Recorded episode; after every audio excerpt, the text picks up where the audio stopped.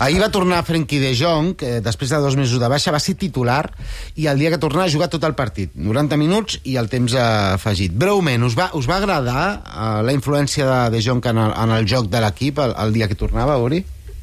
No, però la disculpo pel temps de baixa que ha estat. Mm -hmm. Jo crec que va perdre moltes pilotes, eh, tampoc no va, no va sumar molt, però el disculpo perquè al final quan tornes a la lesió el primer dia tampoc no pots exigir que facis un partidàs. Ell no va quedar content, Ricard.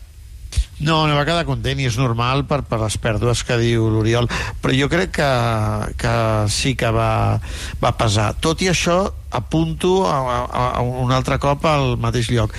En un equip que que sap què vol però no sap com arribar-hi, De Jong ajuda molt. És a dir, De Jong té un escenari ara ideal perquè ell pesi.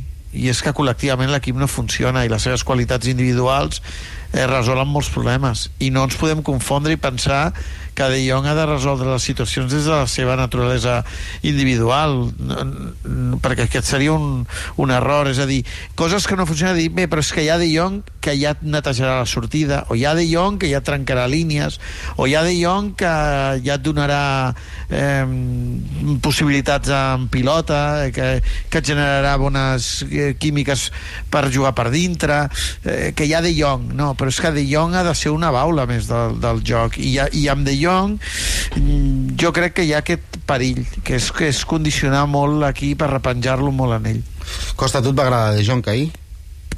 ella em va agradar, tot i que és evident que no va fer un partit gent rodó, em va agradar per, per la sensació de ei, ja torno a estar aquí mm. i si fa falta que em carregui l'equip a l'esquena me'l carrego. A mi també m'ho sembla per, això. Però, però això és la part individual que penja d'ell i, que, i que a mi em sembla que és de destacar, tot i que evidentment el partit és molt millorable.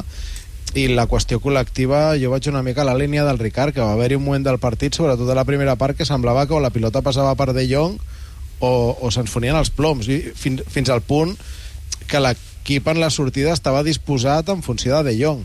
De Sí. Jong baixava, Romeu s'obria d'interior jo trobo que és exagerat Jo- però és una sensació personal potser Xavi creu que és el migcampista més influent que té i, i ja li va bé fer-ho passar tot per aquí però també et dic que com que el Barça el, em fa la sensació que estem en un, en un procés d'assaig-error que un dia ho fem passant de Jong, a l'altre dia Cancelo juga d'interior, a l'altre dia d'extrem no, no estic molt segur que, que això tingui, tingui continuïtat, no ho sé. Sònia? Sí, després de dos mesos de, de baixa, de fet, jo no m'esperava ni que jugués els 90 minuts, eh, però el, el, com els companys el buscaven i fins i tot com l'entrenador pràcticament li va entregar les claus de l'equip demostra que l'han trobat molt a faltar. I després, és veritat, no, probablement no va estar tot el fi que pot estar ell, però per tornar després de dos mesos d'inactivitat jo el vaig veure prou bé i amb aquesta jerarquia que es demostra que, que, que, que, el, que els companys l'han trobat molt a faltar. Ara hi afegim eh, en aquest debat eh, de Jong el nostre especialista en De Jong. Potser hem de canviar el nom de la secció i en comptes de dir-li Futbol Club del Mas, dir-li Futbol Club de Jong.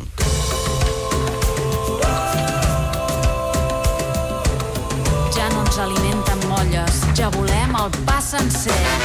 Del Mas, com vas? Molt bé, bona nit, No em, no em compres aquesta moció de censura de canviar-te el nom de la, de la secció, eh? Tot i que tu, tu tens predilecció per Frenkie de Jong. Sí, a mi m'agrada molt. Home, tant com canviar el nom de la secció potser és exagerat, però sí, sí, sóc de De Jong. Ahir a la primera part va jugar molt endarrerit entre centrals, assumint tot el pes o molt pes en la sortida de la pilota. Diria, i el Ricard crec que ho apuntava ara, que això amb ell l'afavoreix personalment. A l'equip també l'afavoreix, això? Amb ells afavoreix, sens dubte. Jo crec que en segons quins contextes, sí. És a dir, a mi em va semblar un moviment interessant ahir, el que, el que fa el Barça, posant a, De Jong més endarrerit i pujant a Cancelo. No ens oblidem de que baixava alçada a Frankie De Jong, però automàticament pujava Cancelo, eh? amb la qual cosa no només era un moviment, sinó que n'eren dos. Crec que davant de pressions o d'equips grans pressionadors, crec que, crec que beneficia. És a dir, per mi baixar el pivot mm, no és un bon exercici si no és necessari, però si és necessari jo crec que, que en neteja la sortida. I és necessari contra pressions altes com la del Rayo.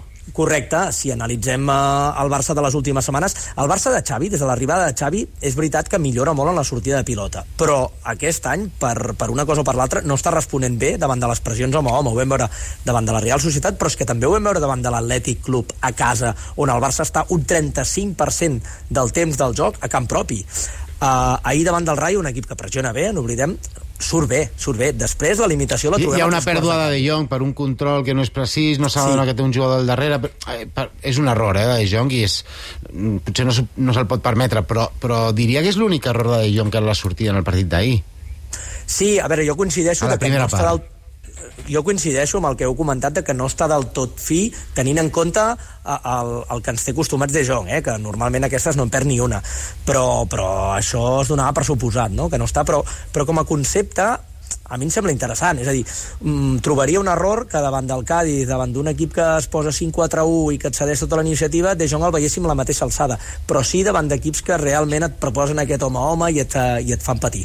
Si, un, un matís sobre, sobre la disposició d'ahir. Si De Jong fa de mig centre tan endarrerit, mm -hmm. l'opció de fer jugar Oriol Romeu la veus raonable, adequada? Per mi perd el seu sentit, que aquesta és la... Bé, ho, ho apuntàveu també aquí ara en aquesta primera intervenció, no? Uh, per mi perd el seu sentit perquè és un jugador absolutament posicional i em sembla que, que aquí Gundogan podria fer aquesta tasca i a més a més donar-li continuïtat de joc. A tu on t'agrada més veure jugar Frenkie de Jong? A mi m'agrada veure'l com a interior de suport, eh? sense ser un 6, tot i que crec que de 6 pot jugar, de, de pivot pur jo crec que pot jugar, hi ha moltes opinions que diuen que no, jo crec que s'adaptaria, però òbviament la seva posició és la de segon interior amb llibertat, la de poder baixar la base quan és necessari i quan no poder arribar a camp contrari, tenir aquesta llibertat, aquí jo crec que coincidim tots, no? és a dir, De Jong se sent còmode quan té llibertat, i és veritat que això l'equip, mm, això ha de fer que l'equip li doni algunes concessions, però també em sembla que és un futbolista que té moltes coses interessants per donar a l'equip. Un altre cas d'un jugador del Barça que sembla que encara ha, ha d'encaixar en el seu rol, en la seva posició, Cancelo. A mi em sembla que l'estan tornant boig. Ahir va jugar de, de migcampista més que de lateral. Et va semblar mm, còmode en el partit d'ahir al camp del Rayo, Cancelo? Ell personalment jo no el vaig veure còmode perquè crec que és un jugador que només se sent còmode quan pot anar on, on vol en cada moment però crec que el seu encaix, el seu millor encaix, passa per una posició molt similar al que vam veure ahir. Uh -huh. En quina posició? O sigui, tu creus que aquesta posició d'ahir i aquest rol de gairebé més migcampista mmm, que no pas de lateral encara que de lateral també pot ocupar zones interiors, però ahir va fer de migcampista, uh, sobretot atacant. Creus que aquí és on, on té més opcions d'acabar encaixant en aquest Barça aquesta temporada? Sí, sí, sí, jo crec que és on, on bé, on, on podrà explotar més el que, les seves fortaleses i on li podrà donar més a l'equip, eh? és a dir, ja el vam veure que a dalt quan juga des de parat no té desequilibri, per tant aquí hauríem d'eliminar aquesta opció. Des de lateral jo crec que posar-lo en la primera línia en la sortida de pilota és un risc massa, massa elevat Uh, i que per tant aquí d'interior és, és, és on pot explotar més. Ell és bo conduint cap endavant dividint, és a dir, en una situació si imaginem un, un romba jo l'imaginaria com un interior d'aquest romba. Mm -hmm. quan, quan el Barça té pilota que tingui cert espai per davant per conduir però que a la vegada no estigui a la primera línia no, no, no estigui a la primera passada. Que és una posició similar a, a la d'ahir, tot i que eh, a vegades va d'uns metres més a dalt o més a baix que, que, que pugui expressar eh, el futbol tal com en sent. I aquí jo crec que és on no acaben d'entendre's entre l'entrenador i el jugador i el jugador i l'entrenador.